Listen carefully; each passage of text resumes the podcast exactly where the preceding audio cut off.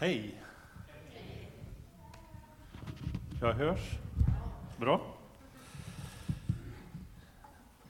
Lars-Göran Sundberg heter jag, en av pastorerna här i församlingen och eh, jobbar framför allt med själavårdsområdet här. Det gör jag för övrigt också i en annan del av min vardag då jag undervisar i det ämnet och religionspsykologi på lite olika ställen. Och eh, idag har jag fått förmånen att prata om tillbedjan och hur vi ska kunna vända den rätt. Eh, det är gott eh, och underbart att liksom så här på söndagsförmiddagen Eh, få vara med och stämma in i det här teamets lovsång och, och liksom rikta sin blick på något sätt. Eh, och jag tänker att många av oss associerar just tillbedjan till sång eh, och till lovsång. Och det är inte fel, utan det är verkligen som att vår kropp har designats för att liksom hänge sig. För jag tänker att vi hänger oss på en massa olika sätt och vi behöver verkligen tillfällen då vi kan liksom hänge oss och liksom rikta blicken. Eh, jag tänker att våra liv är också på något sätt en sång. Det är som att det resonerar, det är som att det finns en slags resonanslåda som, som är våra liv. Och när vi fångas upp av Guds sång, då får också våra liv liksom resonera, en resonans utifrån den sången. Så den här predikan kommer handla om att rikta sig och att fråga eller ställa frågan vad innebär det att ge sig hän åt hans närvaro? Ehm, det är som att, att ja men, tänk att månen ger återsken åt solens ljus. Och jag tänker att vi är på något sätt designade för att återge det ljud eller den, eh, det som är Gud.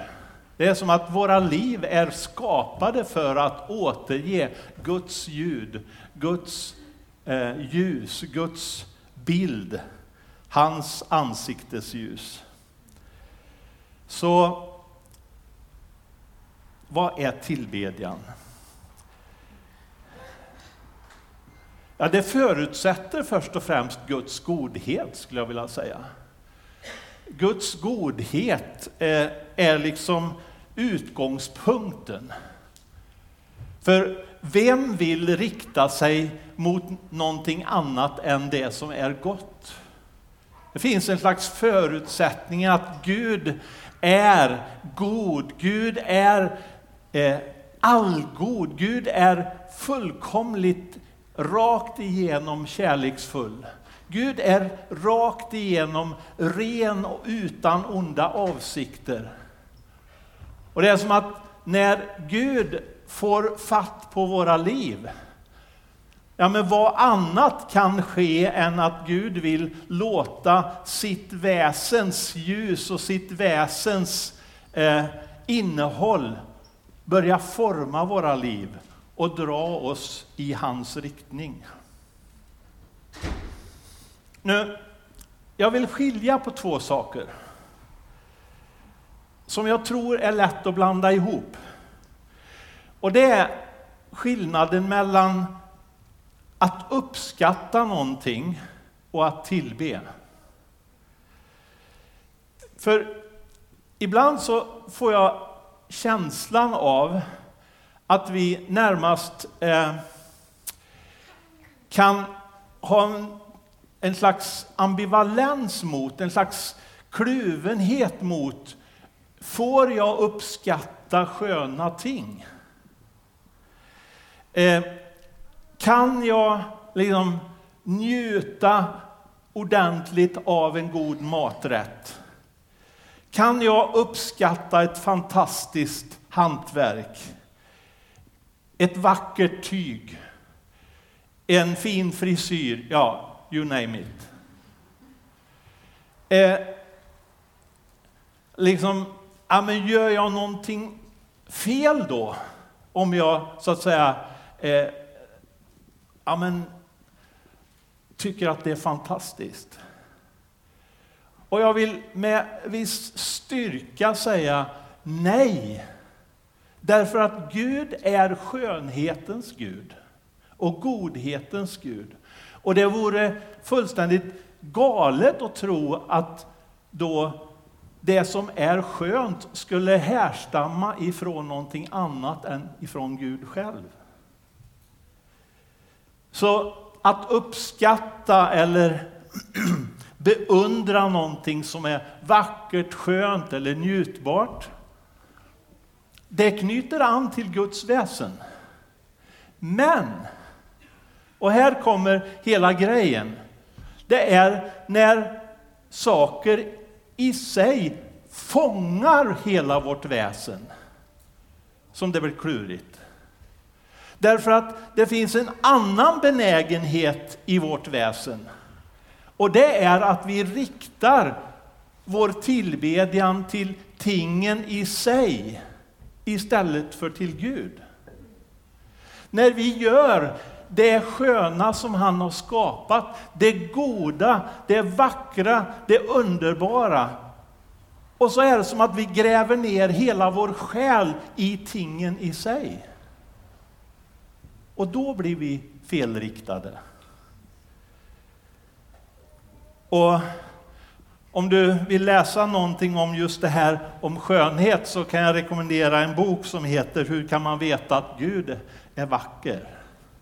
Den kan du ta med som ett litet parentes. Men skönhet i sig, eller det vackra och så vidare, det kan du släppa vad gäller dåligt samvete. Och dessutom tycker jag att du ska släppa det som avundsjuka när du ser någonting vackert som någon annan har. Eller någonting eh, fint, någonting som du gärna själv skulle vilja ha. Eh, Så det finns alltså en, en, en slags problematik liksom inlagd i vår situation i skapelsen nu. Det är att å ena sidan så är hela oss designade för tillbedjan. Å andra sidan så finns det liksom en benägenhet i hela vår själ att dra iväg med den tillbedjan åt allt möjligt annat än Gud. Ehm, vi blir upptagna och hängivna och fullt begeistrade i tingen i sig. Nu ska jag läsa ett par bibelord och de ska sen gå vidare utifrån. Det första är från Romarbrevet 11. En vers, 36. Där skriver Paulus. Ty av honom och genom honom och till honom är allting. Hans är härligheten i evighet. Amen. Jag läser en gång till. Ty av honom och genom honom och till honom är allting. Hans är härligheten i evighet. Amen. Det kanske du borde memorera, den versen. Så ska jag läsa ytterligare några verser ifrån Filipperbrevet. Paulus skriver i Eh, det andra kapitlet i Filipperbrevet, kapitel 2, eh, vers 12 och några verser framåt. Mina kära, ni som alltid har varit lydiga, arbeta med fruktan och bävan på er frälsning. Inte bara så som när jag var hos er, utan ännu mer när jag är långt borta. Ty det är Gud som verkar i er så att ni i både vilja och gärning förverkligar hans syfte. Gör allting utan knot och utan förbehåll så att ni blir oförvitliga och rena, Guds fläckfria barn mitt i ett ont och fördärvat släkte. Där ni lyser som stjärnor på himlen när ni håller er till livets ord.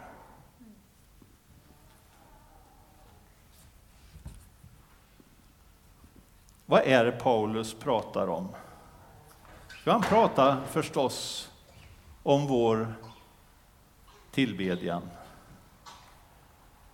Gud vill ha hela oss.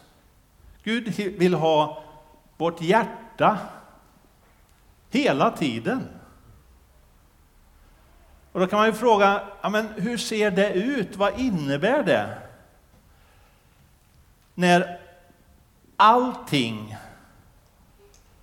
i mig är skapat för att kunna återge Guds glans. Ja, men tänk så här, att Gud har designat hela din kropp.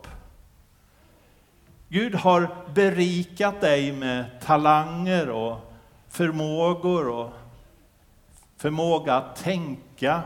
Du har händer och fötter, du har... Ja, men allt det är det som är dig. Det är liksom, har i sig designen att kunna tillbe. För det är precis så. Ja, men, oavsett var du är någonstans, vilken tid på dygnet, så finns liksom inlagt i hela vårt väsen att vi ja, men, tenderar att kunna ge oss hän. Det blir väldigt tydligt när man är på en hockeymatch eller fotbollsmatch eller på ett idrottsevenemang. Det är tusentals människor som ger sig hän. Eller om man är i en vitsipshage så här på våren. Man kan bli alldeles upprymd. Man kan bli fullständigt liksom, wow. Man går upp i det. Eller en del av oss kanske skulle ha samma känsla i ett konstmuseum eller på andra ställen. Vi har den förmågan. Men det betyder, som, som jag också har sagt, då, att den där förmågan, den, den är i nuläget inte självklar vartåt den vänder sig och hur den tar sig uttryck. Det är som att någonting i oss har vridit vår ursprungliga förmåga att tillbe Gud. Det är som att den benägenheten antingen riktas mot någonting eller mot mig själv. Och kanske är vår tids allra största frestelse, det är eh, min egen frihet. Jag vill ha min egen frihet till varje pris. Och den friheten, eller den flykten, den ser ut på väldigt många olika sätt. Men Gud är ständigt ute och söker. Och ständigt pockar han på vår uppmärksamhet och vill säga Hallå! Hallå! Hallå! Vet du var du kommer ifrån? Vet du vad som är ditt ursprung? Vet du vad du är designad för? Vet du att det kan, det, det kan ske en kalibrering i ditt liv så att ditt liv stämmer.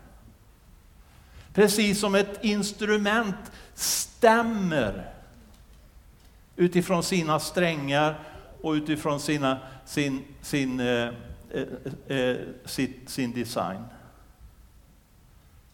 Så Gud söker oss genom Jesus Kristus och säger Jesus är svaret på vår tillbedjansgåta. Genom honom. Genom honom. Vi får säga ja till Jesus. Det är som att när Jesus dog på korset och när han uppstod igen, hela, hela påskens mysterium, då är det som att hela världen kalibrerades mot himlen. Det som hela syndafallet, hela bortvändheten i historien, det tog Jesus på sig i sin kropp och dog för hela mänsklighetens uppror, upproriskhet. För att vända och kunna kalla oss till den fullödiga tillbedjan som vi väntar på ska ske när Gud knyter ihop hela historien. Och den tillbedjan, ja men sorry lovsångsteamet, men då bleknar vår insats. då är vår tillbedjan fullödig, därför att då är allt samstämt. Då är det ingenting som sliter i mitt hjärta. Då är det ingenting som pockar på den liksom falska, vridna, förvridna eh, flykten eller tillbedjan i olika riktningar.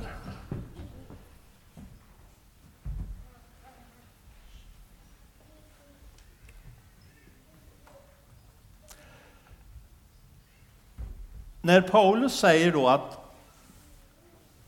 mina kära, arbeta med fruktan och bävan på er frälsning, då kanske det är en del som säger, nu blir jag trött. Vad menar han? Det låter jobbigt. Ska, ska det inte vara nog med att jag är trött efter liksom fem dagars arbete, nu ska jag liksom också i trons eh, sfär liksom uppbåda en massa energi för att också göra någonting så att Gud blir glad och nöjd. Och jag är glad för att jag kan säga nej. Din trötthet är missriktad. Vad Paulus menar när han säger arbeta med fruktan och bävan på er frälsning, det är, det är ungefär så här.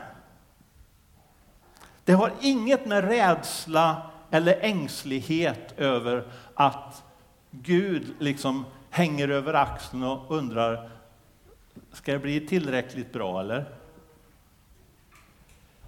Ska han bli nöjd? Nej, det handlar om att Gud som är hela ursprunget för vår tillvaro och oss själva är för det första värd respekten och vördnaden som en, liksom, en skapande mästare är värd. Alltså värd vår beundran.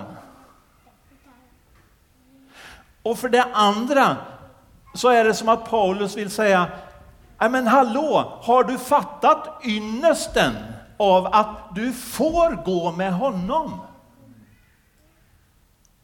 Du, du har fått chansen, du som var bortvänd och fullständigt felvänd, upprorisk. Du har blivit inbjuden att gå med skaparen själv. Och dessutom chansen att genklinga och vara den resonanslådan för Gud, för hans väsen i den här världen. Ja, men snacka om privilegium. Och så säger Paulus, och du behöver inte göra det själv, utan Gud har sänt sin ande för att göra det. I och genom dig. Ty det är Gud, vers 13, som verkar i er så att ni både i vilja och gärning förverkligar hans syfte. Så man skulle kunna säga så här, det är som att du släpper taget och säger, ja men jag vill så gärna. Hur kan jag få vara med? Led mig in i det. Låt mig få vara del i det. Det är som att Paulus säger, det smartaste du kan göra och det mest glädjefyllda, det är att ge dig hän åt det. För det stämmer med vem du är, skapad att vara.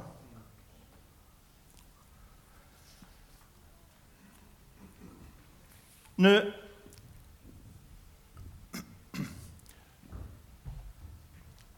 Sen är det då så här, som jag har redan sagt, fast på ett lite annat sätt, att det här har inte bara med, så att säga, lovsång att göra. Alltså, när vi sjunger lovsång. Utan det här är en 24-7-grej. För du är designad som tillbedjare för hela din varelse. Tänk så här, när du vaknar på morgonen så sänds du ut i tillbedjan resten av dagen. Det är som att Gud säger, nu går vi tillsammans jag och du. Vad innebär det för dig? Att du sänds ut som tillbedjare till Gud, till ditt jobb, till ditt plugg, till dig som lärare, till dig som läkare eller lastbilschaufför eller affärs, affärsman. Ja, vad du än håller på med. Och då är det förstås inte någon, någon, form av grej att du ska liksom söka upp något hörn där du kan ha någon andakt där på jobbet eller så, utan grejen är ju att det du gör, det du gör i ditt sätt att, och ditt arbete med vad det nu är för folk, och i det du gör så kan du få ära Gud. När du jobbar med de som kanske är dina arbetstagare, eller när du utför ditt, ditt arbete där på, på ditt jobb, som sjuksköterska eller vad det nu än är. Ja, men där finns även, och förmodligen utan att nämna ordet Gud en enda gång på hela dagen, för dem du möter, det kan ju bli tillfälle, vad vet jag, men, men för det mesta kanske inte. Så kan ändå där, den där resonanslådan i hur du bemöter, i hur du utför ditt jobb, faktiskt vara en ära till Gud. Och du får ge dig hän till det. Du får vara en bra sjuksköterska. Du får vara en bra lärare, du får vara en bra forskare, du får vara en bra tandläkare, du får vara... Och ställ dig i Herrens tjänst. Låt det som resoner... Låt den resonansen få finnas med. Hur, hur mäts vår tillbedjan? Det är naturligtvis svårt. Det finns ingen bra termometer för det. Det finns inget bra mätverktyg. Men man kan ju fundera på då, ja men, vår tillbedjan är förmodligen det som upptar vårt engagemang. Det är det som eh, vi går igång på. Det är det som tar vår tid. Det är det som åtminstone till en god del också slukar upp våra pengar. Och, eh, ja, och så vidare. Så om du vill liksom stämma av lite grann vartåt din tillbedjan är vänd, så kan du fundera lite grann kring de områdena. Vart är det som de här, liksom, min tid far iväg någonstans? Eller mitt sinne är upptaget? Var spenderar jag mest tid? Jobbet förstås och sömnen. Ja, helt okej. Okay. Men är jobbet då någonting som du dyrkar eller är jobbet någonting som var, får också vara din tillbedjan?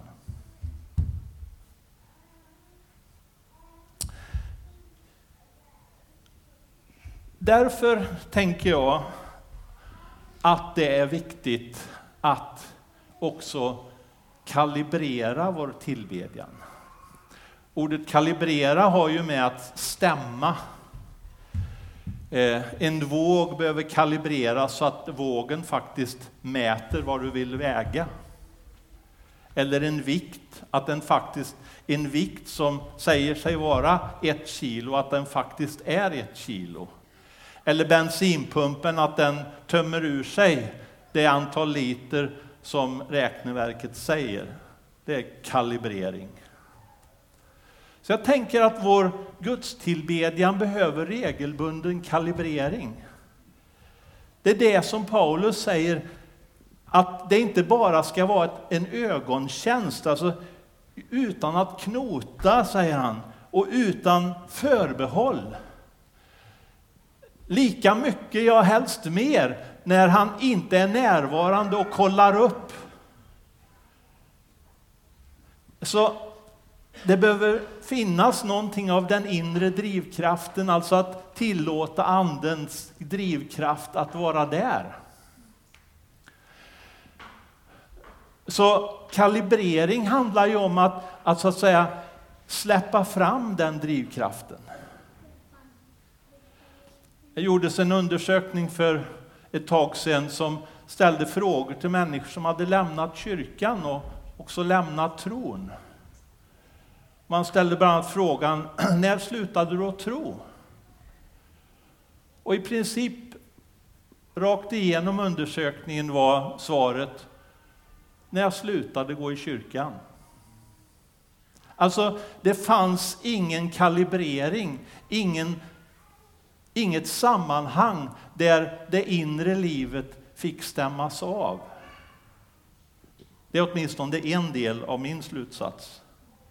Vi behöver en plats där vi kalibrerar. Vi behöver återkommande möta Guds folk, Guds ord, Guds ande med andra. Vi behöver fira gudstjänst, vi behöver dras in i lovsången och så vidare. Jag vill citera en gammal men ack så viktig person som fanns i England på slutet av 1800-talet och början av 1900-talet. Han heter William Temple. Han säger så här angående tillbedjan. Tillbedjan är när hela vårt väsen lägger sig under Gud. Det är när hans helighet väcker samvetet till liv. Det är när hans sanning ger näring åt sinnet Hans skönhet renar våra fantasier. När våra hjärtan öppnas för hans kärlek. Viljan kapitulerar för hans plan. Och allt detta sammanlagt väcker beundran. Den mest osjälviska känsla vår natur kan känna och därför är det främsta botemedel för denna egoism som är vår arvsynd och källan till andra synder. Vi blir samstämda med Gud. Så låt mig bara fråga dig som avslutning. Var befinner du dig i din tillbedjan? Hur är din tillbedjan riktad? Det är ingen tvekan om att du är en tillbedjare. Frågan är bara vad den är riktad mot och hur väl den är kalibrerad. Och om du faktiskt har gett din tillbedjan, alltså ditt din tillbedjans ja till Gud själv, till Jesus Kristus. Och tänk, tänk på att ditt jobb, ditt plugg, ditt familjeliv, ditt, din fritid är en del av det som kan andas Gud. Som Jesus vill ska andas hans närvaro. Gud vill upprätta ett starkt brohuvud för himlen mitt i din vardag. För sen ska vi tillbe utan hinder. Amen.